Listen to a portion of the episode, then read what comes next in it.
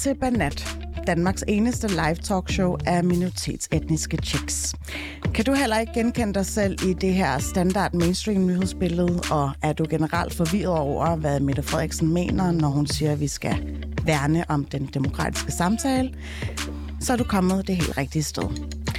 Mit navn er Phyllis Jashot, og hver fredag inviterer tre sprøde banats til at komme herind på 24 for at øse lidt ud af deres spice. Så jeg håber, at du er i godt fredagshumør, og hvis ikke, er jeg ret sikker på, at du bliver det. For med mig i studiet står Handan Evelyn Device, Ja. IT-kyndig baddie og quirky lektor på IT-universitetet. Velkommen Ej, til dig. Lis. Tak. Ved siden af står Jihan Kofton, en rigtig kurbi har skrevet. Hej så. Genganger på Banat. Og så en white boy specialist. Ej, Det kan man måske godt sige. Og sidst men ikke mindst Salma Abdurazak, det flotteste stjerneskud på den journalistiske himmel. Journalist, og velkommen til dig også. Tak. Det er jo den sidste fredag i maj måned. Er I klar til sommeren? Mm. Jeg er ikke klar. Født klar. Jeg føler ikke, at min krop er klar. Jeg skal lige have en måned til at Alle kroppe er sommer, Jeg ved bikini-kroppe. det godt, jeg ved det godt, men det er jo, det er jo hvordan man har det selv. Så, ja. Hvad holder dig tilbage? Hvad? Hvad holder dig tilbage, Handan? Det, der holder mig tilbage, det er, at øh, jeg føler, efter man har fået to børn, man skal selvfølgelig kunne se, at man har fået børn, men efter man har fået to børn, så er man lidt mere usikker i det. Og så føler man bare sådan, at man har brug for tid til lige at øh, træne det op, også fordi at jeg har været lidt dårlig til det her på det sidste, men øh, jeg skal nok blive klar, især mig i min bikini. Mm. Jeg synes virkelig, at maj måned har været lang Ja, øhm, og regnfuld. Og ja, jeg kan lige så godt sige det som det er. Jeg skal på ferie næste uge, og det glæder mig helt vildt meget til. Jeg har hørt, Salman, du har købt en masse bikinier. Ja, jeg skal til Paris i næste uge, og så skal vi, eller mig, jeg og mine veninder, så til Cannes øh, og Nice sådan næste måned også. Så jeg er bikini klar. Jeg har i hvert fald købt alle de bikinier, der skulle købes. dejligt. Så ja, jeg glæder mig rigtig meget. Skønt. Mm-hmm. Jeg har samlet det her panel i dag, fordi jeg skal jo selvfølgelig bruge jeres sædvanlige ja, brainy hoveder til at tale om det, som har trukket overskrifter i ugens løb. Men før vi springer ud i det, har jeg jo givet jer lektier for. Hvad har I taget med i dag for ligesom at udbrede det her banat-univers? Jihan, jeg starter med dig. Ja, jamen altså, øhm, jeg har egentlig taget udgangspunkt i noget, som optager mig rigtig meget lige nu. Jeg er i midt-20'erne og læser en øh, kandidat i Mellemøstens Sprog og Samfund og arabisk, og jeg føler, at jeg befinder mig et sted lige nu, hvor rigtig mange i min omgangskreds begynder at tage hul på nogle ret sådan øhm, afgørende og omvæltende kapitler i deres liv. De øh, enten stifter familie, eller de får tilbudt et fedt job, for ligesom at kickstarte deres karriere med. De, øh, de flytter i hus og får nogle børn, eller, eller et eller andet andet, der bare er vildt spændende. Og øh, jeg føler ligesom også, at jeg er et sted, hvor jeg har behov for at tage et ret stort spring ud i noget ukendt og noget rigtig spændende, som også kan kickstarte min karriere, ligesom åbne op for et nyt kapitel i mit liv. Øhm, jeg tror bare, at jeg nogle gange godt kan have brug for et lille skub. Og øhm, så, så ja, det jeg har med, det er vel nok egentlig mere sådan en, en, en håndsudrækning til, til jer, der står herinde, fordi at I alle sammen er fucking seje, og I er et andet sted i jeres liv, end jeg selv er. Øhm, så jeg kunne egentlig bare godt tænke mig sådan at snakke lidt om, hvordan man faktisk tager det her store skridt ud i noget. Jeg skal bare lige forventningsafstemme Ja. med dig her. Hvad er det, du gerne vil? Vil du gerne bo i et hus? Nej, jeg vil bare gerne få en fed karriere. Ja. Ja. Jeg vil også gerne have tag over hovedet, selvfølgelig. Mm. Men øh, ja, jeg tror, jeg har behov for, at der skal ske et eller andet stort. Jeg har lyst til at få et fedt job, og, mm. og, og ligesom komme ud og vise, hvem jeg er. Mm. Nogle gange så kan jeg bare godt afholde mig lidt fra at gøre det, i frygt for at... Jeg har det så dårligt med at skulle sige det her, men simpelthen i frygt for at få en, en afvisning. Øhm, Okay. Ja. Ja. Altså, jeg, jeg vil bare sige, at jeg synes i forvejen, du er mega sej. Åh. Altså, sådan, du går på et universitet, du er ret langt i dine studier. Øhm, så jeg har det sådan, du klarer det virkelig rigtig, du klarer det rigtig godt nu, og jeg tænker, at sådan, man vil altid have mere. Altså, du siger, at vi har rigtig gode karriere, men, men og jeg synes også, jeg er nået rigtig, rigtig langt i min karriere. Hvad gjorde du for at nå dertil, hvor du er? Altså, nu er jeg jo kendt IT. Vi er meget, meget eftertragtet, så jeg tror ikke sådan, at der gælder de samme statistikker, hvad angår sådan, når det er, at man søger ja, jobsikkerhed og jobsøgning. Nu læser du jo noget humanistisk, mm. og det er rigtig, rigtig svært. Især for os med en anden etnisk mm. baggrund. Øhm, og jeg tænker sådan, det jeg gjorde, det var, at jeg sprang ud i mange ting. Øhm, jeg, jeg gjorde min LinkedIn-profil rigtig, rigtig sprød. Det er faktisk der, jeg har fået alle mine jobs. Okay. Øhm, og, og jeg ved det med, at man føler sig måske lidt udstillet på en eller anden måde, at, at man skriver alle de her ting, som man måske ikke har gjort. Eller, Hvad skrev du? jamen, jeg skrev, jeg skrev bare øh, meget omkring min personlighed, øh, at jeg er analytisk, og så fik jeg også, så tog jeg også fat i en hel masse øh, foranværende chefer, jeg havde, og spurgte, om de kunne skrive nogle anbefalinger til mig derinde. Mm. Og, og det er der sjældent nogen, der siger nej til, hvis man har klaret det godt. Øhm, så, så jeg vil sige, at jeg har nok bare gjort min LinkedIn-profil sprød, og så tror jeg også, at jeg bare har været privilegeret af at læse noget IT. Mm. Jeg vil så også gerne lige sige, at hvis man deltager i Banat, så er det jo måske en ret god mulighed for, at der er nogen, der ligesom, ja, bliver opmærksom på dig. Så, mm. så du har allerede gjort lidt ved at deltage herinde. Men lad mig spørge dig, Salma, du er jo uddannet journalist. Mm. Du har også et navn, man lægger mærke til. Mm. Hvad har den vigtigste tommefingerregel været for dig for at ligesom få job i, i en rimelig sådan, svær branche at få foden ind for? Ja, altså nu har jeg så en freelance-stilling, øh, og den er jeg virkelig glad for øh, på TV2 Lorry. Øh, men, øh, men altså for mig har det virkelig været vigtigt at, at sådan hele tiden at tænke, sådan gør jeg nok? Og jeg har altid synes at jeg ikke gør nok, mm. selvom jeg rent faktisk gør ret meget. Fordi når jeg sådan, øh, snakker med mine veninder og sådan, bare folk omkring mig sådan om, Altså eksempel, jeg flyttede til Nordjylland, øh, fordi at jeg kom i virksomhedspraktik på TV2 Nord, og så derefter øh, fik jeg så en midlertidig stilling. Men det er jo de færreste, der vil flytte fra København til Nordjylland. Mm. Det er altså ret langt væk. Øh, og jeg er jo sådan en bypige. Altså, jeg har boet i London i flere år og vokset op midt på København, altså midt i København. Øh, så jeg tror bare, man skal tage de der, øh, altså de der chancer, hvor man tænker, ej, det kan jeg ikke klare det her, og så bare, så bare gør det. Mm. Øh, fordi det åbner virkelig mange døre, og så skal man være virkelig stedig. Altså, jeg dukkede jo også bare op, øh, der hvor jeg arbejder nu, og var sådan, jamen, jeg vil gerne snakke med nogle af cheferne, øh, og så... Ej, det er sejt. Fedt, ja, det synes men det, jeg er men nogle gange, sejt. nogle gange, så må man bare sådan, altså, ja. bare bryde det der, og så bare Og det tænke, hjalp jo. Ja, og det hjælper, fordi mm. at jeg er selvsikker. Jeg ved godt, at jeg er dygtig til det, jeg laver, og jeg ved godt, at det er det, jeg vil. Altså, jeg vil, jeg, jeg vil have været, eller jeg, jeg har drømt om at være journalist, siden, øh, siden jeg kunne altså nærmest øh, snakke og forstå. Øhm, så derfor, så hvis man altså bare tager de der små skridt og tror på sig selv, og tænker, okay, det her, det kan jeg fandme godt, så ja. er der altså mange døre, man kan banke op. Altså sådan, mm. Ja, og så lad være med at have fokus på de andre. Mm. Altså det med, at ej, de har sikkert fået rigtig mange spændende ansøgere eller et eller andet. Have fokus på dig selv. Hvad kan du byde ind med? Mm. Og jeg har også afholdt rigtig, rigtig mange jobsamtaler, og jeg bliver træt af, at det altid er det samme, de kommer med. Jeg har også brug for noget personlighed. Det betyder rigtig, rigtig meget i en kultur, øh, i en virksomhedskultur, især i dag, hvor der, der sker rigtig mange ting. Mm. Så vær dig selv og følg din mavefornemmelse, og aldrig gå på kompromis med, hvem det er, du er som person. Når man sidder i sådan en situation, hvor du egentlig skal hyre nogen, hvor meget bemærker du så, hvorvidt du kan se et lys i dem, som minder Jamen, om øh, dig selv? Jamen, altså, jeg har, jeg har kørt øh, tre jobsamtaleforløb, og jeg har altid været rigtig, rigtig uenig med dem, jeg sidder med. Øhm, for, for de har altid gået meget op i erfaring, men jeg går meget op i potentialet på en eller anden måde. Og, og, og, og det har skabt rigtig mange spændinger, men jeg vil så sige, at dem, jeg så også har lagt mærke til, til de her øh, samtaleprocesser, selvom de ikke er blevet ansat i den sammenhæng, så arbejder de faktisk i øh, der på min arbejdsplads, fordi jeg har anbefalet dem til andre. Mm. Så jeg tænker sådan det med at, at ture og sige sådan, ved du hvad, den her person er faktisk rigtig, rigtig fed. Jeg kan se det her potentiale. Jeg synes, I skulle give vedkommende en chance, fordi at der er mange, der har svært ved at give nyuddannede en chance. Folk, der ikke lige minder om dem selv. Nogen, der ikke lige passer ind i de her rammer. Og det har også lidt at gøre med det emne, jeg vil komme med mm. i dag. Okay, jamen så kommer der jo bare en, en naturlig overgang til øh, den historie, eller Yes. det, som du synes kræver lidt ekstra shine her i Ja. ja. nat. Ja, altså, det, kender I det med, at øh, der, der er noget, der sidder fast i hovedet, og så ser man det overalt?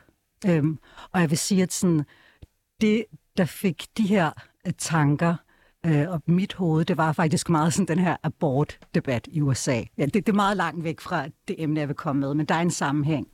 Det er det med, at, sådan, at det er meget sådan patriarket og mænd, der, har, der faktisk har defineret vores samfund på en eller anden måde, og, og det er jeg bare blevet opmærksom på på en helt anden, øh, helt anden måde. Jeg bliver dagligt kommenteret på min påklædning. Øh, det kan være sådan noget som, at uh, det, det er meget udfordrende. Altså det, på din arbejdsplads. På min arbejdsplads. Hvad siger folk? Øh, jamen, de siger blandt andet, jamen, øh, er det sådan en normal muslimsk kvinde går klædt?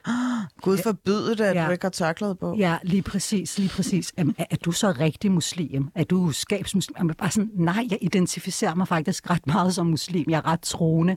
Jeg gør det måske på en lidt anden måde, eller jeg, jeg synes faktisk, at jeg gør det på den måde, som masserne gør, sådan, hvis det er, at man kender til Banats på en eller anden måde. Så, så det kommer meget bag på mig, og så har jeg også fået kommentarer som, øh, kan det passe, at din mand er håndværker? Jeg troede, du var gift med en rig mand. Hvordan har du råd til den påklædning og alle de her ting? Og der er sådan lidt, Det er jo jantelov. Ja, men det er sådan, jeg har det sådan, jeg har selv tjent mine penge. Øh, altså, de her fordomme, som patriarket har skabt, det skader os rigtig meget. Det skader faktisk også mænd, fordi de skal også indordne sig i mange af de her rammer, der er øh, på en eller anden måde. De har også svært ved at frigøre sig. Mm. Øhm, så jeg synes bare, det er problematisk, både som muslimsk kvinde, at jeg konstant bliver sådan spurgt til min påklædning, men også bare sådan de fordomme, der er om, at jeg ikke kan tjene mange penge, fordi at jeg har den baggrund, som jeg har. Jeg har fandme kæmpet for min karriere. Ja, og det- det er noget, jeg er gået meget, meget målrettet efter. Det er noget, jeg er passioneret omkring, og det er noget, jeg elsker. Mm. Bare mit øh, job på IT-universitetet, hvor der er jeg lektor, det, altså legit, det er ikke på grund af pengene. Det er fordi, at jeg brænder rigtig, rigtig meget for mit fag, og tænker, at jeg rigtig godt vil udbrede kendskabet øh, til det.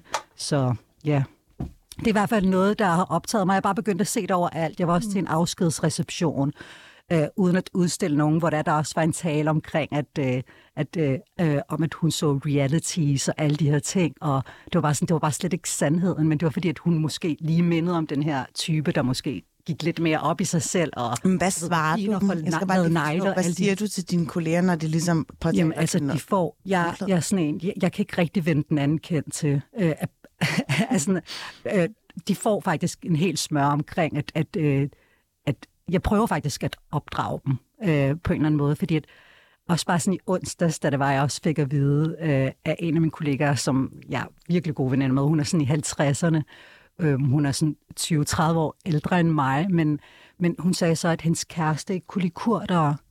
Øh, og der var Du også har bare, kurdisk baggrund. Ja, og jeg har kurdisk baggrund. Og der var jeg også bare sådan, giv mig hans nummer. Han skal lige have en talebesked af mig.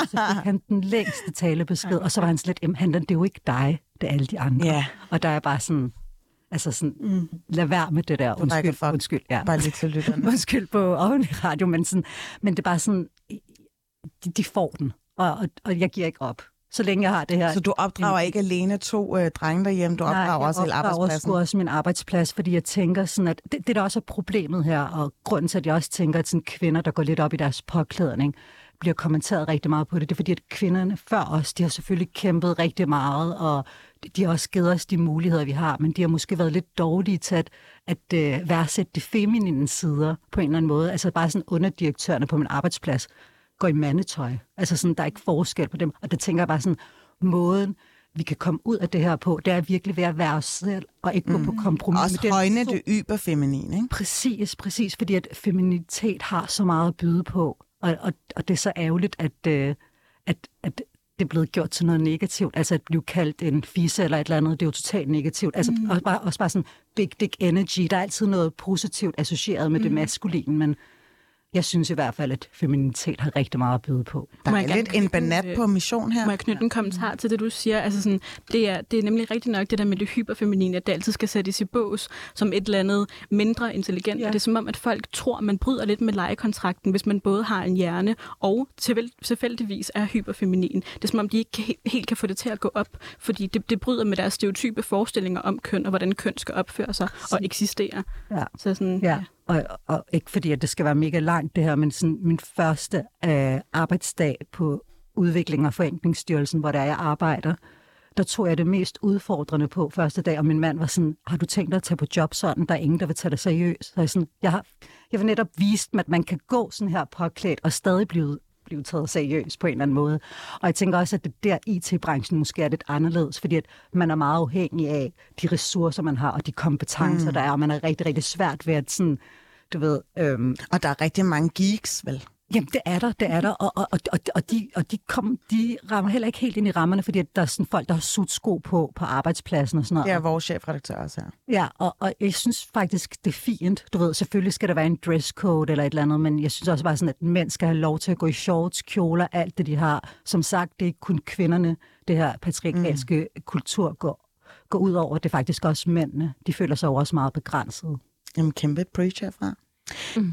Salma, vi tager lige også dig her i, øh, i en afsluttende runde, om du har ligesom bemærket noget, som du gerne vil fortælle lidt om til lytterne. Øhm, ja, altså sådan, øh, hvad nu det hedder, bare lige for at knytte en kommentar til det, du sagde. Jeg, jeg, altså, jeg er 100% enig i alt det, du siger, men jeg synes dog stadig, at arbejdspladser skal have en dresscode. Altså, ja. for mig, Øh, jeg ved ikke, jeg tror ikke, jeg vil kunne tage min chef så seriøst, hvis han havde sutsko på. Jeg siger det bare lige, og det er med al respekt for, øh, Simon Andersen, nu deler jeg mig. Han har faktisk ikke engang sudsko på, han render bare barefod rundt. Nej, det er for dårligt, Simon, for fanden. Ej, jeg, jeg, jeg tror bare, at jeg synes bare, at uh, der skal være en dresscode i sådan en uh, professionel uh, sammenhæng, ikke? Mm. for at man kan ligesom uh, tage hinanden uh, seriøst, som der skal gøres på arbejdspladsen. Er der nogen, der nogensinde har knyttet en kommentar til din påklædning? Altså, jeg er også... Arbejdsøjemed? Øhm, jeg er også virkelig feminin, og jeg elsker at sådan gøre ud af mig selv. Øh, og det har jeg altså sådan, det har jeg fra min mor af, øh, og det har jeg altid sådan, ja, altså det har jeg altid bare haft, siden jeg var barn, kunne godt lide at, sådan, at gøre mig fin og alt sådan noget. Altså sådan, hvis jeg ser godt ud, så har jeg det også bare godt.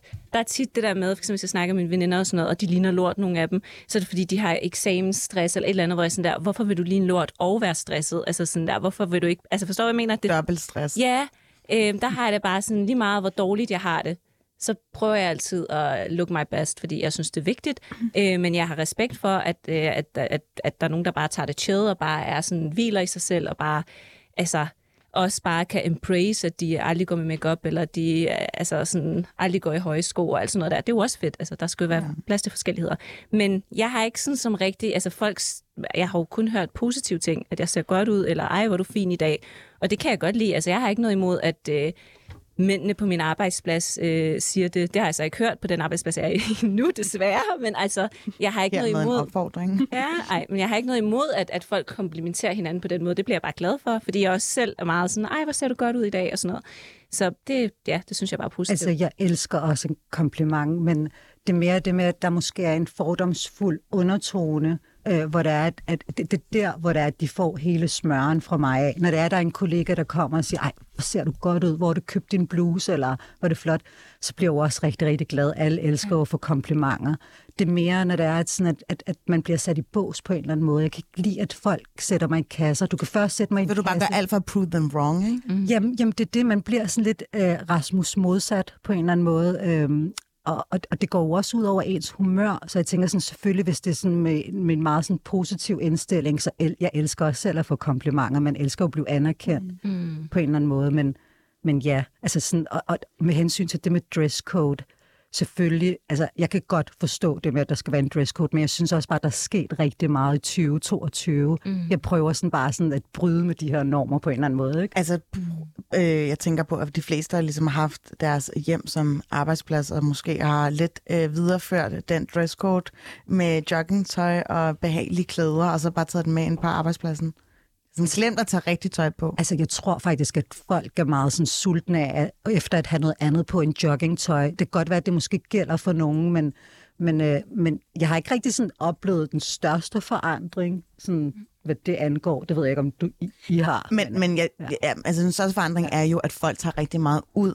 Yeah. De tager jo ud i hverdagene ja. og ja. er rimelig thirsty, ja. synes jeg. Så, ja, 100 så det, så det ligesom viser os også i, hvordan folk øh, har, ja. går klædt, ikke? Jo. Mm. Ja, det var nemlig det, jeg faktisk ville... Ja. Undskyld, jeg lige afspillet en, øh, en skiller her, men øh, du får lige lov til at afslutte den, Salma. Værsgo. Jamen, det var nemlig det, jeg vil sige, det der med, at, øh, at jeg tager rigtig meget ud her for tiden, og jeg har bare lagt mærke til, at der er sådan en virkelig fed stemning, når man tager ud. Ja. Øh, og der er rigtig mange, der snakker om, sådan, at corona har sådan gjort, at vi blev meget distanceret fra hinanden, og uh, man må ikke røre alt det der. Men jeg synes bare, at det også har haft en positiv effekt, fordi når man er ude, så som du selv siger, Felice, så er folk bare sultne, altså sådan, mm. folk er glade, og folk ja. sådan, øh, ja. altså sådan virkelig bare appreciater, at vi endelig må sådan, mm. tage ud og feste. Og det synes jeg bare, jeg har lagt mærke til virkelig meget her på det sidste i København. Altså, det er en fest hver gang. Hvis mm. bare man tager på en café og har får en kop kaffe og et stykke kage, jo, det er jo fucking fedt. Ja. Altså, det var det jo ikke før. Sådan, det, det er jo bare, fordi man appreciater det meget mere. Men det er også det, jeg synes også, viben og stemningen er meget bedre. Altså sådan, jeg, jeg, før, før corona, der kunne jeg godt lide at tage ud, men det var meget sådan, hvis en veninde lige havde fyldt rundt, eller mm. et eller andet, du ved, så bookede vi måske et bord på en eller anden natklub, og så tog vi ud. Men nu er jeg også bare sådan, jeg elsker det. Jeg, jeg tager nærmest ud sådan hver weekend, ja. og, jeg, og jeg er altså mor til to små drenge, Me men det er bare, fordi jeg elsker Eller, stemningen. Ikke mor. Jeg er ikke mor, jeg sagde bare, jeg, ja. jeg tager også ud. Jeg elsker bare stemningen, og alle vil bare have en fest. Vi skal bare have det godt. Nu har vi været hjemme så længe, så lad os bare sådan få det bedste ud af den her aften. Mm. Ja. Og ved du hvad, jeg skal faktisk skrive en hel masse steder, som du skal hen. Ej, det vil Paris. Jeg har jo lige selv været der, tak. og der er stemningen endnu bedre. Ja, det var jeg. Så skal jeg bare ikke sige det til min mor. Hun er allerede sådan der, så tager du ud hver dag eller hvad? Ja. Ja, der er jo selvfølgelig nogle andre regler, når man er på ferie, ikke? Ja, det er, ja, det, er det. Nå ja, Frankrig mener du? Ja. Ej, det skal da helt sikkert. Bare lige til lytterne, så folk øh, er med. Øh, hvis man følger handleren på Instagram, så kan man se, at hun lige har været i Paris. Og, J'adore. Ja, J'adore. det er en dejlig by. Ja. Og Salma skal simpelthen til Paris på torsdag. Ja. Så I kan også følge hende for at ligesom se Jamen, det hendes franske by. eventyr. Mm-hmm. Øh, ja, fra en pandemi til måske en anden. Vi skal tale om abekopper og måske øh, ja, den opildende racisme, som åbenbart øh, ja, abekopperne kickstarter. For vestlige medier bruger jo udelukkende billeder af afrikanere med, med, med øh, abekopper, og det kan uretfærdigt fremme den her racisme mod særligt afrikanere og andre sorte mennesker. Selv FN har varslet mod, at dækningen af udbrud af abekopper kan risikere at styrke racistiske stereotyper. FPAA, som er den her non-profit medlemsorganisation af journalister, der dækker Afrika for internationale medier i Afrika, udsendte i weekenden i sidste uge en erklæring om, hvor i de ligesom udtrykte sin bekymring og utilfredshed med brugen af abekoppebilleder. Organisationen skrev i erklæringen, at medier burde være i frontlinjen og bekæmpe systemisk racisme og racestereotyper, ved stedet at dele positive billeder og fortællinger om Afrika i det hele taget. Det skal lige siges, at abekopper er en virussygdom, der blandt andet kan give feber og udslæt med hvide blære. Sygdommen har været kendt i Afrika i mange år, men ses øh, meget sjældent i Europa. Og i Danmark er der lige nu blevet bekræftet to tilfælde af abekopper. Abekopper, undskyld, af sundhedsmyndighederne. Har I set de her billeder af ja, typisk sorte mennesker som illustration for abekopper? Ja, ja. og jeg forstår ikke, hvorfor man ikke er blevet klogere. Altså, vi har lige, været, vi har lige haft corona, covid. Øh, og, og, og der kunne vi jo sådan se, øh, at, hvor meget det kan gå ud over vores sådan, asiatiske brødre og søstre. Altså sådan, jeg, jeg synes, det er ærgerligt, at man ikke rigtig bliver klogere. FN har været inde over, så vær lige lidt mere opmærksom på, hvad det er for nogle mm. billeder, man udstiller. Altså, jeg er lidt skuffet over øh, medierne, men jeg har lige fået at vide, at øh, mange af dem har fjernet det, så var meget godt. Altså, de findes stadig. Mm. Øh, jeg lavede i hvert fald en Google-søgning, mm. som inden vi gik på her, og øh, jeg synes, der er en overvægt af, når ja. man ligesom googler øh, monkeypox, som det jo også hedder på engelsk. Mm. Salma, som journalist, hvad mener du, medierne i både Danmark og Europa bør være opmærksom på her? Jeg tror bare, at øh, altså, som, øh, som jeg har sagt flere gange før, så nyhedsbranchen, det er jo bare, altså det skal gå virkelig, virkelig, virkelig stærkt, og man er jo stresset, og jeg sidder der selv, og man skal finde billeder, og det skal bare mm. gå hurtigt. Så sådan, der er sådan virkelig altså sådan, øh, kort overgang fra øh, tænkning til handling, øh, fordi det skal gå så stærkt. Så lige med sådan nogle her situationer, altså også øh, med corona øh, og alt sådan noget, så skal man bare lige som journalist og som øh, redaktør og sådan noget, bare tænke en ekstra gang, og så sige til, deres, øh, sige til ens medarbejdere, okay, det er sådan her, vi takler den her situation, fordi vi medier, vi er her jo, fordi vi skal skabe. Altså, en eller anden bro mellem, altså sådan, øh, hvad kan man sige, borgere og altså informationer og viden og nyheder og alt det der. Øh, vi skal jo ikke skabe altså, konflikter. Det er jo ikke det, vi er der til. Vi skal jo være objektive, øh, altså sådan, øh, objektive medier og sådan noget, som skal altså, skabe gavn i samfundet, ikke mm. det omvendte. Så jeg tror bare, man skal huske på, at man bare, i stedet for at det skal gå hurtigt, at man bare lige tænker sig om, okay, hvordan, hvordan kan vi gøre det her, sådan, så der ikke bliver, sådan, så der ikke, øh, bliver skabt en konflikt, eller sådan, så vi ikke træder nogen over tæerne, eller der ikke bliver Altså sådan Jamen, øget altså, racisme, ikke? Mm. Det, det har du 100% ret i, men det er også bare den her privilegieblindhed, der kan opstå på en eller anden måde, fordi at, altså sådan, jeg synes navnet i forvejen, abekopper, altså der er jo rigtig mange mm. øh, med afrikansk baggrund, der også i forvejen bliver kaldt aber og alle de her mm. ting, så jeg synes bare, det er svært at, at, at se, hvorfor det er, øh, selvom det går stærkt, mm. hvorfor det er, man bruger de her billeder. Øh, og, og, og jeg tror virkelig, at det er privilegieblindhed. Jeg tror ikke, at intentionen Ja. øh, fra mediernes side har været det. Men det er også bare det med, at sådan, så skulle man måske få ansat nogle folk, der repræsenterer den her mangfoldighed, mm, og netop kan gennemskue de her ting. Ja. Ja, der tager faktisk lige øh, hul på mit næste spørgsmål, fordi har det her noget som helst at gøre med, at de fleste medier bare ja, har rigtig mange øh, hvide journalistiske medarbejdere generelt? 100 procent. Altså, Du nikker også, Ja. ja. Johan. Det tror jeg også Ja. ja. helt sikkert, fordi jeg tror, hvis, øh, eller jeg ved, at hvis det er, man er en del af en minoritet, øhm, som tilfældigvis ikke er hvid, så er man opmærksom på øhm, de her stereotype forestillinger, der kan være om folk, der ikke har et klassisk eurocentrisk udseende, som er det hvide udseende. Og det er jo nemlig det her med, at man er øh, usiviliseret, uhygiejnisk, barbarisk og, og sådan noget.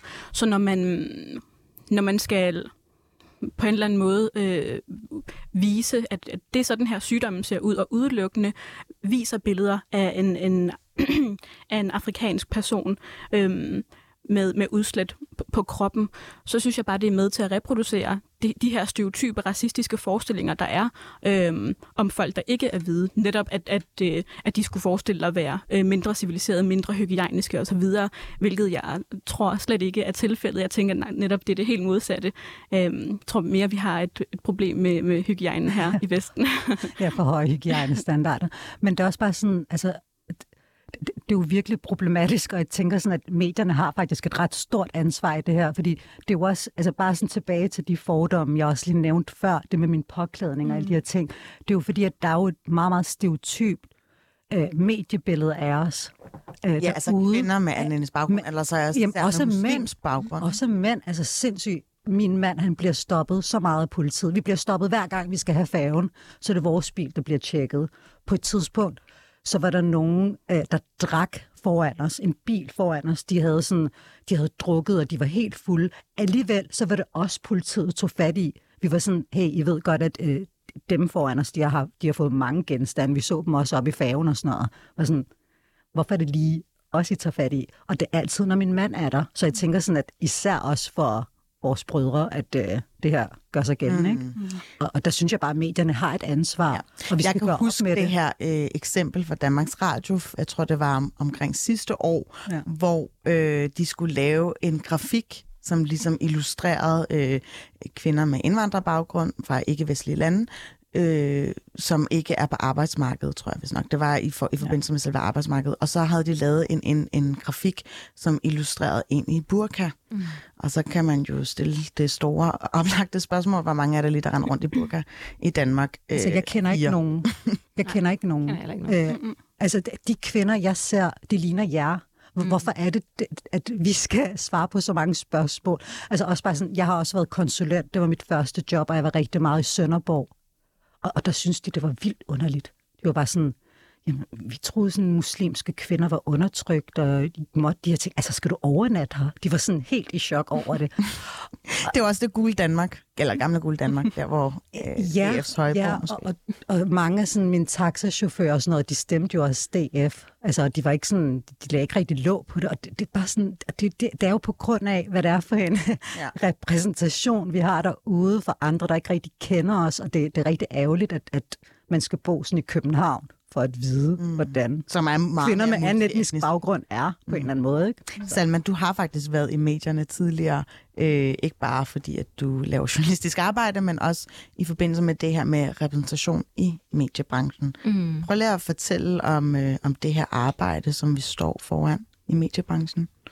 Altså det er jo efter øh, ansvarlig presses undersøgelse, øh, den de havde lavet øh, med, at der, der viste, at, øh, altså sådan, at øh, minoriteter kun bliver snakket om, hvis det er negativt, altså så som, øh, altså hvis det handler om øh, kriminalitet eller integration eller religion og alle de her emner, der bliver de brugt som kilder. Når det handler om økonomipolitik eller et eller andet, hvad børnene skal have i madpakke i børnehaven og sådan noget, så, ja, så bliver øh, Fatima Mohammed ikke brugt. Øhm, og det er jo en kæmpe stor problematik i og med, altså ikke kun en problematik for os medier, fordi at det viser jo, at vi ikke gør vores job ordentligt i og med, at vi skal jo give borgerne, alle borgerne en, øh, en, en, en stemme, og det skal, altså det, det skal jo ikke afhænge af, om man er hvid eller brun eller noget andet. Øh, men det er jo også et øh, problem, når man kigger på vores demokrati, øh, da der er mange, der ikke bliver hørt øh, ligeligt. Ikke? Mm. Ja. Så øh, det var jo så det, jeg snakkede om, øh, men jeg ved ikke, hvordan... Altså, Hvad har responsen egentlig været? Øhm, jeg har faktisk ikke, altså jeg har kun fået positiv respons, øhm, og jeg ved også, at det, altså mange af mine kollegaer og tidligere kollegaer og sådan noget, ved jo også godt, at det er et emne, der skal tages seriøst, og det er jo også noget, jeg håber på, at mange medier arbejder på nu, fordi det er jo en ond cirkel, så siger medierne, jamen der er jo ikke nogen øh, etniske eller øh, altså minoriteter, vi kan, vi kan, vi kan øh, hyre, ja. fordi der er ligesom ikke nogen, der søger, fordi der er ikke nogen, der læser journalistik, Øh, men det er også, fordi de bliver skræmt væk. Altså, man føler jo, altså jeg er jo, altså, som jeg også sagde tidligere, så har jeg jo vil være journalist, siden jeg var helt lille, men jeg troede faktisk ikke, at det var muligt for mig, fordi at jeg ikke så nogen, der lignede mig. Ja. Mm. Altså sådan, øh, og bare det, altså jeg gjorde det så alligevel, men der er ret mange, der ikke har, og der er faktisk rigtig mange, der skriver til mig, altså øh, brune piger, der skriver mm. til mig på Instagram, og siger sådan, ej, men jeg lever deres drøm, og de vil bare ønske, at de havde fuldført øh, Altså deres studier. Ja, lige præcis. Mm. Øhm, og det, altså, det gør så ondt i hjertet på mig, for at være sådan der, ej for helvede, gør det, gør det, vi har brug for jer. Altså sådan virkelig, øhm, fordi der er brug for os, og det kan jeg også selv genkende. Ja, og jeg tænker også bare, at det vil gavne rigtig meget, fordi at jeg, jeg kan også godt forstå, altså da det var, jeg snakkede med dem i Sønderborg, der kunne jeg også godt forstå dem. Jeg kunne godt forstå det, fordi at det, de ser, det er jo udelukkende igennem medierne. Øhm, så, så man får en forståelse. Så jeg tænker også bare, at det vil gavne samfundet rigtig meget. Mm. Så, så det ville også være underligt, hvis der var nogen, der var uenige omkring det her, fordi det ville, det ville få så mange skræmmescenarier ned på en eller anden måde, eliminere så mange fordomme, der er omkring dem. Og vi skal også bare tænke på, at der er gået mange år nu. Altså, hvorfor snakker vi stadig ja, ja. om æresdrab og sådan noget, ja, ja. og tvangsægteskaber? Altså, det er sådan noget, jeg ser, der, der sådan, selvfølgelig er der nogen, der oplever det, men, men det er noget, der bare sådan er overstået. Det er en 90's ting. Altså, Jamen, sådan, så, ja. så det, det, det, er sådan, det er bare med at få de her historier ud og få det udbredt på en eller anden måde. Mm. Øhm. Bare lige for at tilknytte en kommentar til det. De der historier, de er jo netop også vigtige, fordi mm. altså sådan, vi, har, vi skal jo heller ikke, øh, vi skal jo heller ikke sådan ignorere, at vi har rigtig mange problemer også i vores øh, miljø. Ja. Øh, og de skal selvfølgelig også dækkes, ja. men det er ikke kun de historier, der skal dækkes. Præcis. Der er også andre historier, der skal dækkes. Og altså, minoriteter skal jo ikke kun blive hørt, når det kommer til det, mm. men også om andre ting. Altså sådan, min mor går der også op i altså, økonomipolitik, eller hvad vi skal stemme her lige om lidt, og alt sådan noget mm. der. Hvorfor bliver hun ikke hørt i det? Mm. Altså sådan, det, det er bare om at skabe en balance. Din mor kan jo bare komme med i banat næste gang, tænker jeg. Mm. Ej, det, ja, det tror jeg kunne være ja. et sjovt uh, program. Ja, perfekt. må, jeg sige noget, må jeg sige noget til det? Det må du faktisk ikke, fordi at jeg skal, øh, jeg Jihan, gem lige din, øh, ja. din guldkorn her, for jeg skal nemlig byde velkommen til Prince Henry. Er du med på en telefon? Ja, det er jeg. Hej, du er, hej, velkommen til. Du er sociologistuderende, debattør, aktivist og sågar model. Prince, kan du lige fortælle lidt, hvad øh, medierne skal gøre, når de skal dække for eksempel det her med abekopperne, så det ikke er med til at reproducere nogle, nogle racialiserede fortællinger? Ja, man skal i hvert fald tænke over, øh, hvilke befolkningsgrupper man kæder sammen med det her udbrud. Især når udbruddet er i Europa og ikke i Afrika. Og der undrer jeg mig meget over, hvorfor medierne bruger billeder, øh, som er årtier gamle, altså arkivbilleder, hvor jeg har set artikler øh, fra DR, øh, hvor de fortæller om den her sygdom, og bruger øh, billeder fra 1996 og 97 mm. øh, på mørke kroppe, og man primært har set øh, udbruddet på mørke kroppe i alle medier. Det er altså Ekstrabladet til TV2 og BT. Mm. Øh, og man kan komme til at give indtryk af, at der er bestemt befolkningsgruppe, der smitter rigtig meget, eller mest øh, tilbøjeligt til at have smitten, og forbinde det, man gør med visualiseringen af den her, det her udbrud og den her smitte, er, at man giver den et krop og et ansigt, som er den mørke krop. Og det, jeg ikke forstår, er, at når smitten er i Europa, øh, det er folk, som faktisk har været i Europa, som er blevet smittet på, i Spanien. Den har ikke noget med at gøre med det afrikanske kontinent, at man ikke bruger billeder fra Europa. Og hvis man ikke har de billeder, så kan man jo vise, hvordan symptomerne ser ud øh, mm. på en krop, der ikke er en menneske. Prince, hvad har øh, den forløbige konsekvens af, af de her billeder været, synes du? Eller vurderer du? Jeg kan allerede se en retorik på sociale medier, hvor jeg har set kommentarer som sådan noget med, at man skal øh, smide abekopper tilbage til Afrika. Og der, jeg så et, øh, en kommentar, hvor en person prøvede at sælge nogle AirPods, som har intet med abekopper at gøre, øh, med personer med mørke huden. Og så er der en kommentar, der siger noget med, at øh, velkommen, her er der er mulighed for at få abekopper. Så det går ind og gøder øh, noget, der kan blive til had og frygt. Vi ved, at frygt gør det, det værste ved mennesker. Vi så det under corona, hvor vi havde den her coronaracisme øh, mod især folk, der havde asiatisk afstamning, øh, hvor at de blev udsat for hadforbrydelser, vold, øh, altså nogen i USA blev sågar dræbt. Mm. Øhm, så det går ind og ekstra lag for den racisme, man over, øh, i forvejen oplever som minoritet mm. i Danmark. Mm. Nu, nu har vi jo adresseret det her i, i Banat. Øh, vi har ringet dig op. Kan det virkelig passe, at det altid er minoriserede grupper, øh, som skal ligesom tale øh, eller gøre opmærksom på den her øh, problematik, synes du? Det hænger også sammen med, hvilke positioner vi er i. Fordi jeg undrer mig over, at der ikke sidder nogen i redaktionsrummet øh, hos medierne, øh, eller som er redaktører, eller som er journalister, som selv altså, kan se, okay, det er da lidt spøjt, at den her sygdom, der, øh, der, der er udbrudt i Europa, at vi kun får billeder af folk med mørk hud. Altså, det handler også om repræsentation i, hvilke positioner mm. øh, minoriteter sidder. Man bruger også ikke som kilder, som den nyeste øh, undersøgelse fra Australien Presse viste, at vi udgør 14 procent af befolkningen, men bliver kun spurgt øh, til ting, som handler om kriminalitet, religion og vores hudfarve, og udgør kun 3,5 procent af nyhedskilder. Så jeg tror også, der er noget at gøre med, hvordan relationen er, relationen er sammensat øh, hos medierne. Ja, det har vi faktisk også allerede diskuteret. Men øh, jeg kunne se, at du var i aftenshowet i går, øh, for ligesom øh, i talsæt det her. Forgårs, tror jeg. Nå, var det i forgårs. Hvad har responsen så været på det? Har du igen øh, kommet til, eller er der nogle øh, racistiske bemærkninger i indbakken også, efter den medieoptræden? Jeg har ikke fået det personligt, men jeg har bare lige kigget lidt på kommentarerne, øh, og det var meget sådan noget med, at øh, folk ikke forstod, hvorfor man gør opmærksom på det. Øh, eller sådan, ja, der var ikke rigtig en seriøsitet omkring, at det her kan have konsekvenser for minoriteter. Mm. Øhm, og der er den her sådan, blinde vinkel på, at når det ikke er majoriteten, der bliver øh, billedet på sygdommen, øh, så er det som om, man ikke går op i, at det kan have konsekvenser for rigtige mennesker i deres dagligdag. Pia, øh, er der noget, som I gerne lige vil øh, ja, spørge øh, Prince om? Bare lige for at blive klogere, eller... Det er jo lidt underligt at have en mand, mandlig stemme her i, øh, i studiet. Men øh, altså, jeg... Jeg, jeg, jeg tror gerne, jeg, jeg har øh, et spørgsmål. Hej, Prince. Halløj. Halløj. Øhm, Prince, hvordan vil du, altså sådan, øh, hvis du sådan kunne vælge, hvordan øh, medier skulle dække det her med abekopper. Øh, hvad, fordi vi, vi snakkede også om navnet før. Øh, mm. sådan, hvad, hvad, hvad, vil du, øh, hvad vil du sådan foreslå, at øh, vi ligesom gør? Man kan jo sige, det hedder jo godt nok monkeypox, men bare kalde det kopper for det første. Mm. Det er jo bare en mild form for kopper. Øhm, og så synes jeg, at man skal øh, sørge for at bruge billeder fra udbruddet i Europa. Det giver det mest mening, at hvis udbruddet foregår i Europa nu, at vi bruger billeder fra europæiske hospitaler, øh, eller folk med sygdomme herfra, i stedet for at bruge billeder, som er fra Afrika og viser mørk hud, som er flere årtier gammel. Det er jo ikke aktuelt. Og så samtidig kan man gøre opmærksom på, at man skal ikke øh, på en eller anden måde tilskynde til mere had fordi det kan godt være, at sygdommen kommer fra, eller er normalt i Afrika, men øh, det har ikke noget at gøre med folks hudfarve eller seksualitet. Medierne må gerne tage ansvar for, at den vinkel, de lægger for dagen, og de billeder, de bruger, også har en effekt og skaber en virkelighed for de mennesker ude i samfundet. Mm.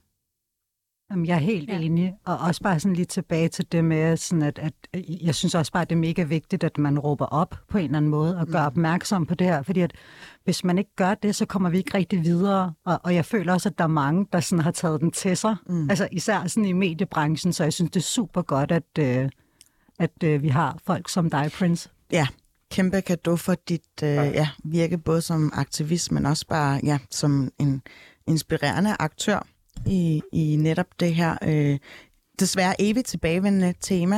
Tusind tak, fordi du var med. Tak for jeres program. Det er vigtigt. Tak for dig. God weekend. Tak lige måde. Hej. Ja, behold I lige høretelefonerne på, damer, fordi jeg har faktisk et klip, jeg gerne vil spille for jer. Det er noget, som er gået helt vildt viralt. Det er en Lyft driver, altså sådan nogen, der kører øh, taxa, øh, privat taxa der, øh, som siger fra over for racisme, og det kommer her. For Jackie, right? Yeah. How are you? You're like a white guy. What's that? Are you like a, a white guy? Excuse me? Are you like a normal guy? Like you speak English? Sorry. Sorry. No, you can get out of the car. I'm gonna What? cancel a ride. That's inappropriate. What? It's completely inappropriate. If somebody was not white sitting in the seat, what would be the difference? Are you serious? She said, wow, you're a white guy. That's okay. I'm not gonna take the ride. You guys can get out. Really? Yeah, completely inappropriate. Oh, you're a fucking asshole. It's all on camera, man. It's all on I should camera. punch you in the fucking face. You're gonna Oh threaten me? God. Yeah, Assault. that's right. Yeah. You Wow. Because you guys are racist. you're Yeah. Ja, Ej, Det nej. er Jeg har fået en... en crush på ham nu. Ja. ja, Lige ligesom, hvad man er bagefter dig. Men det er også det, altså det er så vigtigt at sige fra. Øh, Der, der er så mange gange sådan, igennem min tidlige ungdom, hvor det var, jeg var ud for racistiske ting, hvor jeg ville ønske, at jeg havde sagt fra. Så jeg det er først noget, du har bemærket, eller har... det er først noget, jeg har opbygget. nu, ikke? Jo, det er jo først noget, jeg har opbygget. Øh, sådan, selvfølgelig, når det er, man bliver mere moden, når man finder sig selv mere og opbygger en vis form for selvværd og selvtillid, så sker det. Det er jo meget svært i ens tidlige teenagealder at gøre det. Der vil man jo bare ligne alle Hvad de andre. folk? Jamen, altså, de sagde sådan noget som, at jeg måtte lidt mere end de andre. De sagde sådan noget med, at, at, at men, øh, hvor, hvorfor er du ude på det her tidspunkt? Skal du ikke hjem og bede? Og hvorfor, hvorfor går du ikke med tørklæder? Og alle de her ting. Så jeg synes bare sådan, at, at, at, øh, at det, det er forkert. Også, mm. også noget med, at sådan, jamen, hvor snakker du godt dansk? Ja. Ja. jeg er født og opvokset her i Danmark. Selvfølgelig snakker jeg godt dansk. Altså, det gør jeg. Jeg snakker meget bedre dansk, end jeg snakker kurdisk og tyrkisk. Så det, det er bare de her Det er ting, der ikke- uvidenhed, kan man sige. Ja, det er uvidenhed. Jihan, du kommer jo oprindeligt fra Esbjerg, Mm øh, hvor jeg tænker, der måske ikke er så mange med øh, minoritetsbaggrund. Åh oh, gud. Det er en hel historie for sig selv, men jeg skal prøve at gøre den kort. Øhm, det er nok en af årsagerne til, at jeg valgte at, at flytte til København. Det var simpelthen, fordi jeg er blevet fuldstændig traumatiseret af at bo i Esbjerg. Øhm, jeg synes, at øh, ja, det har, øh, det har formet mig på godt og ondt, og øh, jeg, har, jeg har oplevet så enormt meget racisme. Øhm, at, det, at det, det stadig sidder i mig, desværre, og det er noget, som, øh, som jeg, jeg forsøger at arbejde rigtig, rigtig meget med, altså hvordan det ligesom har formet mit selvbillede også. Ja. Øhm, blandt andet sådan noget her med, øh, med at have nogle, øh, hvad kan man sige, at være lidt tøvende omkring at søge nogle forskellige jobs, fordi jeg allerede har en eller anden forforståelse for, at, at jeg ikke kommer til at blive valgt ud af mængden Åh. af Camilla er og, og Christine er, for eksempel. Så du lægger låg på dig selv på baggrund af de oplevelser, du har haft fra Jeg, kan, jeg, ja, og, og det er faktisk noget, jeg gør fuldstændig underbevidst. Jeg tror helt sikkert, at jeg har en, en forventning, eller hvad kan man sige, en, en, en selvforståelse, der er skabt af at blive talt øh, ned til, som var jeg en anden rangs borger, og mindre intelligent og mindre civiliseret, og bare øh, mindre øh, rigtig. Øhm, ja, Øh, så, så i en meget ung alder, der, der vidste jeg ligesom godt, at, at Esbjerg skulle bare ikke være stedet, jeg skulle blive ved med at bo i, og jeg blev simpelthen nødt til at søge hen mod et sted, hvor jeg kunne spejle mig i andre mennesker, hvor folk også lignede mig. Og faktisk i forhold til det her med, at du sagde, øh, Salma, at for du har været meget lille, så du altid vidste, du gerne ville være journalist. Det er virkelig sjovt, du siger det. Da jeg, var, øh, da jeg ikke var særlig gammel, så øh, og jeg gik i folkeskolen, så øh, havde jeg nogle, nogle folkeskolelærer, som, som gav mig enormt meget særbehandling, fordi at jeg lærte mig selv at, øh, at sætte komma og punktum og alle de her ting. Jeg har altid været meget sproglig, øhm, og, øh, og fik faktisk også en drøm om at blive journalist en dag, og det var egentlig det, jeg havde, indtil jeg kom på gymnasiet, hvor jeg også oplevede enormt meget racisme, og fik at vide af nogle undervisere, at det der med at, at flytte til København og sådan noget, det, det synes de i hvert fald, at jeg skulle prøve at skrue lidt ned for, fordi de regnede ikke med, at det ville blive en realitet for mig øhm, med al den, den pjekning. Og min, min pjekning kom simpelthen bare af, at jeg havde det forfærdeligt på gymnasiet. Øhm, på Ej, grund af blandt andet al den her racisme. Ikke? Så ja. den her drøm om at blive journalist, den, den visnede også stille og roligt, og det var derfor, jeg søgte hen imod noget mere humanistisk, og som, som, som en slags anden prioritet, fordi jeg så tænkte, okay, men jeg har i hvert fald en, en, en stor interesse i Mellemøsten, og skulle jeg have været journalist, så skulle det have været med henblik på at kunne arbejde i Mellemøsten for eksempel. Og det er altså ikke for sent, vil jeg gerne hilse at Ja, sige. det det, vil er jo trods alt ikke en, en, øh, en, En- profession ja. ja. eller en titel, som er beskyttet. Og jeg har også lige noget at skulle sige til, fordi at da jeg gik i gymnasiet, Mm. Og den her historie kender alle mine, altså alle dem, som jeg gik i gymnasieklasse med, fordi de simpelthen er, også er så forbavset over det. Men der sagde min lærer, som var min mediefagslærer, han kiggede mig ind i øjnene og sagde, du bliver aldrig nogensinde journalist. Det der kan du lige så godt glemme. Og det sagde han foran hele klassen. Og der er stadig nogle af mine gymnasievenner, der husker hans ord til den dag i dag, og har faktisk sådan sagt til mig sådan, "Jamen, kan du huske, at han sagde det der til dig? Prøv at se, hvor du er nu og sådan noget. Altså sådan, så alt, alt det der har jeg også fået at vide, og det er fucking, ej undskyld, jeg banner, men det er så nederen af gymnasielærer, som skal sådan der forme elever, at de går ind og knuser ens drømme på den der måde. Fordi hans ord sidder stadig i mit hoved. Mm. Hans ord, jeg, helt seriøst, nogle gange, når jeg sidder til en jobsamtale, eller laver en tv-udsendelse, eller et eller andet, så kan jeg stadig høre hans ord i, i baghovedet, og det, det sætter sig det, det sætter sig i, mm. i en. Men jeg havde bare valgt at sagt, ved du hvad, altså, at sige sådan, "Nå, men jeg, jeg kan sagtens, jeg har ikke brug for hans, øh, altså sådan, øh, du ved, øh, altså, jeg, jeg kan ikke bruge ham til en skid alligevel, så Ja. jeg tænkte bare, okay, det kan jeg godt, og nu skal jeg bare vise ham, at jeg godt kan, og det er faktisk på grund af ham, tror jeg, Ja. at jeg er der, hvor jeg er i dag. Det er fordi, han sagde de der ord til mig. Havde han ikke sagt det, så tror jeg faktisk, at jeg bare ikke havde kæmpet så hårdt, som jeg har mm. gjort den dag i dag. Mm. Og jeg bliver helt... Altså seriøst, du sagde, du gerne vil være journalist. Jeg fik gåsehud, fordi at jeg, jeg så gerne vil have, at der er flere som os, der kommer i den her branche, fordi det er en fucking fed branche, og der, det er så sjovt, og mm. vi har en magt, som er, altså som, hvis vi bruger den ordentligt, så kan vi udrette smukke ting, og det kan vi sammen. Altså sådan, ja, det, det er ikke for sent overhovedet, du skal bare Nej. følge den vej, og det er det bedste råd, jeg vil give dig, det er bare klø på. Altså, du, du- vil blive en fantastisk journalist, altså du er fucking god til at snakke. Ja. Altså sådan der, prøv at se altså, alle de der smukke ord, der kommer ud af dig. Mm. Det vil jeg ikke engang kunne, jeg sidder og ævlet, og jeg ved ikke hvad. Ja. Altså, du, altså, det kan du Nej, der er ingen, der ævler i det her Og, studie, og, vil du skal virkelig, og du skal virkelig sådan, lad være med at lægge låg på dig selv. Jeg har, jeg har oplevet noget lignende. Jeg, jeg sagde også til Phyllis, jeg har været gift i mange år. Øh, og der var rigtig mange fordomme, jeg oplevede. Jeg havde faktisk en etnisk dansk veninde, der blev gift samme år. Og for mig, så var det meget sådan, at, at det var som om, at det var noget, jeg skulle, fordi at det, var det, det var det rigtige at gøre. Altså, det var som om, at, at vi kunne være kærester eller et eller andet. Det var den fordom, der var andre steder fra, med at jamen, det skulle vi, fordi at vi må ikke have sex før ægteskab og alle de her ting. Mens min etnisk danske veninde, der blev gift tre måneder efter mig, der, der var det en kærlighedserklæring. Der synes de bare alle sammen, at det var så smukt, at de blev gift i en tidlig alder, fordi de havde fundet hinanden. De havde fået den eneste ene. Og, og det var bare, det gjorde rigtig ondt på mig, fordi at jeg følte jo, at jeg også havde fået noget det samme. Jeg havde den samme kærlighedshistorie. Mm. Hvorfor var det, at det blev gjort som noget, der var sådan tvang for mig, at vi skulle giftes før, at vi kunne bo sammen, hvor det var meget anderledes med hende. Og, og, og, og, ja, og sådan nogle ting sætter jo rigtig, rigtig dybe spor, og man har også lyst til at geje mere ud når det er, at man er ude for sådan nogle ting. Jeg tror sgu også, at det var derfor, at jeg tog mere ud for at bevise de andre. Jeg tog med på de her rusture for at vise, nej, jeg er Men det er ikke også undertrykt. vildt, at man skal overgøre det på den der måde. ikke? Præcis, stedet jeg er ikke bare- undertrykt, og, og, og, og, og jeg synes virkelig, at det er et problem, så, så, og jeg tænker også, sådan, som Salma siger, at vi har brug for dig i mediebranchen. Det har vi, fordi at det er sådan, vi kan eliminere alle de her skræmme historier og fordomme. Så jeg synes virkelig, at du skal følge den vej. 100 procent. Og jeg vil gøre alt for at hjælpe dig. Me Hvis du har too. brug for at... Øh, Vi underskriver en kontrakt her, og Ja. så øh, kommer Ja. vi tilbage om Så et snart par jeg år. bliver chef, så skal jeg nok gerne sætte dig. Så snart jeg kommer derop. ja. Tak, Pia. Står her og tuder. Jamen, det er også det, fordi at søstersolidaritet er også bare så vigtigt, og det er også det, jeg synes, man er så god til. Mm. Jeg kan huske på et tidspunkt, hvor øh, jeg havde søgt optagelse på Danmarks Medie- og Journalisthøjskole i Aarhus. Og øh, den måde, som optagelsesprocessen foregår, der er der nogen, der bare bliver optaget direkte. Ja, det er godt at uddele grammer her i studiet. Og så kan man komme til en øh, optagelsessamtale, og det gjorde jeg. Og så sidder jeg så sammen med de her øh, undervisere på Journalisthøjskolen, og så er der en, der siger til mig, du har et rigtigt øh, udenrigskorrespondent navn. Og så siger jeg, nå, øh, hvad, hvad er det? Nå, men det er ligesom Simijan og Divya Das.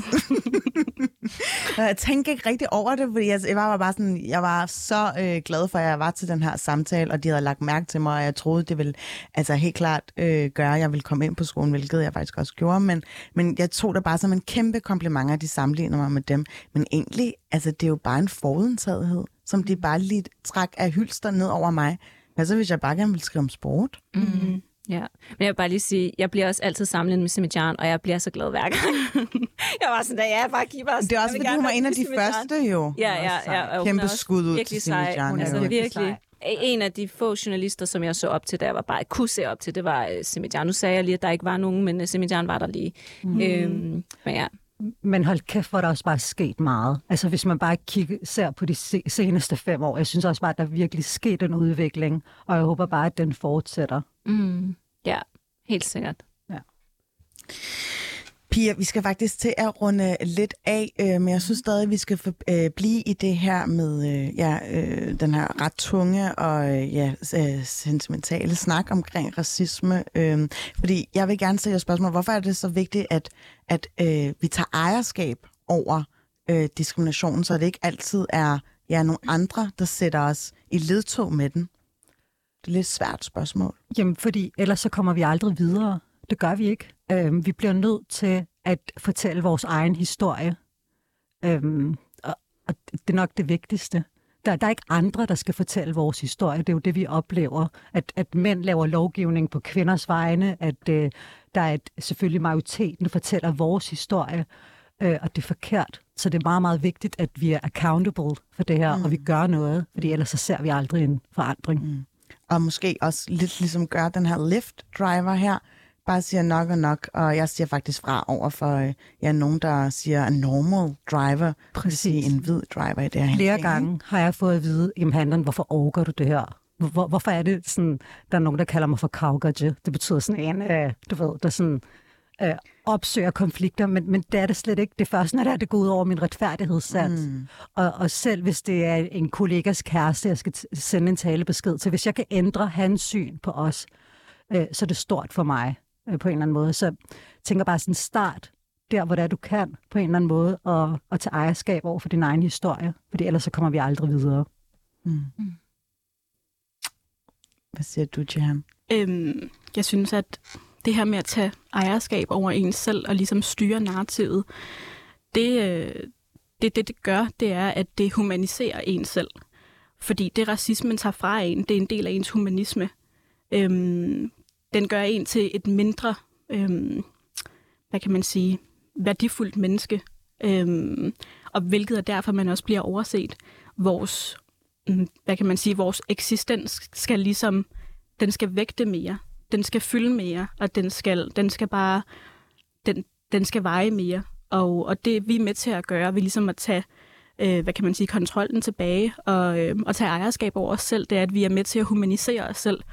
Vi humaniserer vores eksistens øhm, og, og reproducerer ikke de her stereotype forestillinger, der udelukkende er med til at holde os nede. Mm. Ja, så ja, det, mm. det synes jeg i hvert fald. Hermed videregivet. Øh, Salma, jeg synes allerede, du gør jo en stor del bare det, at øh, ja, du tog kampen op og, f- og forfulgte din drøm, selvom du havde en gymnasielærers vurdering, som øh, ja, talte dig direkte imod. Ja. Men hvis du også lige skal svare på det her spørgsmål. Øhm, altså, må jeg ikke lige få spørgsmål igen? Meget kort. Hvad, ja. Hvordan kan man ligesom tage ejerskab, så det ikke altid bliver nogle andre, der siger, øh, altså sådan pådutter dig, at, at du lever i et racistisk samfund, for eksempel? Ja, altså jeg tror bare, man skal... Altså for mig, så... Øh, for at være ærlig, så er jeg bare blevet virkelig træt af at hele tiden at skal tage debatten op. Og jeg, altså sådan, jeg har bare sådan, altså taget hænderne i vejret og var sådan der, nu gider jeg ikke mere. Nu lever jeg bare mit liv. Altså jeg elsker Danmark af hele mit hjerte. Det, det er det eneste land, som jeg virkelig føler er mit, fordi jeg er født og opvokset, og jeg føler mig 100% dansk. Altså sådan, det gør jeg virkelig. Så jeg er bare sådan, der er ikke nogen, der skal fortælle mig, at jeg ikke er dansk. Jeg lever i mit land, jeg har det godt, jeg hygger mig. Jeg, altså sådan, jeg har bare valgt, og selvfølgelig kan man ikke ignorere racisme, fordi det, er, det eksisterer jo. Øh, men, øh, men jeg tror bare, jeg har valgt at, ligesom at ja, fejde under gulvtæppet, fordi jeg orker det simpelthen ikke mere. Ork. Ja. Jeg orker i hvert fald rigtig meget jer. Handan Evelyn David, tusind tak, fordi du gad at komme med. Også dig, Jihan, øh, Koftan, og absolut ikke mindst Salma Abdurazak.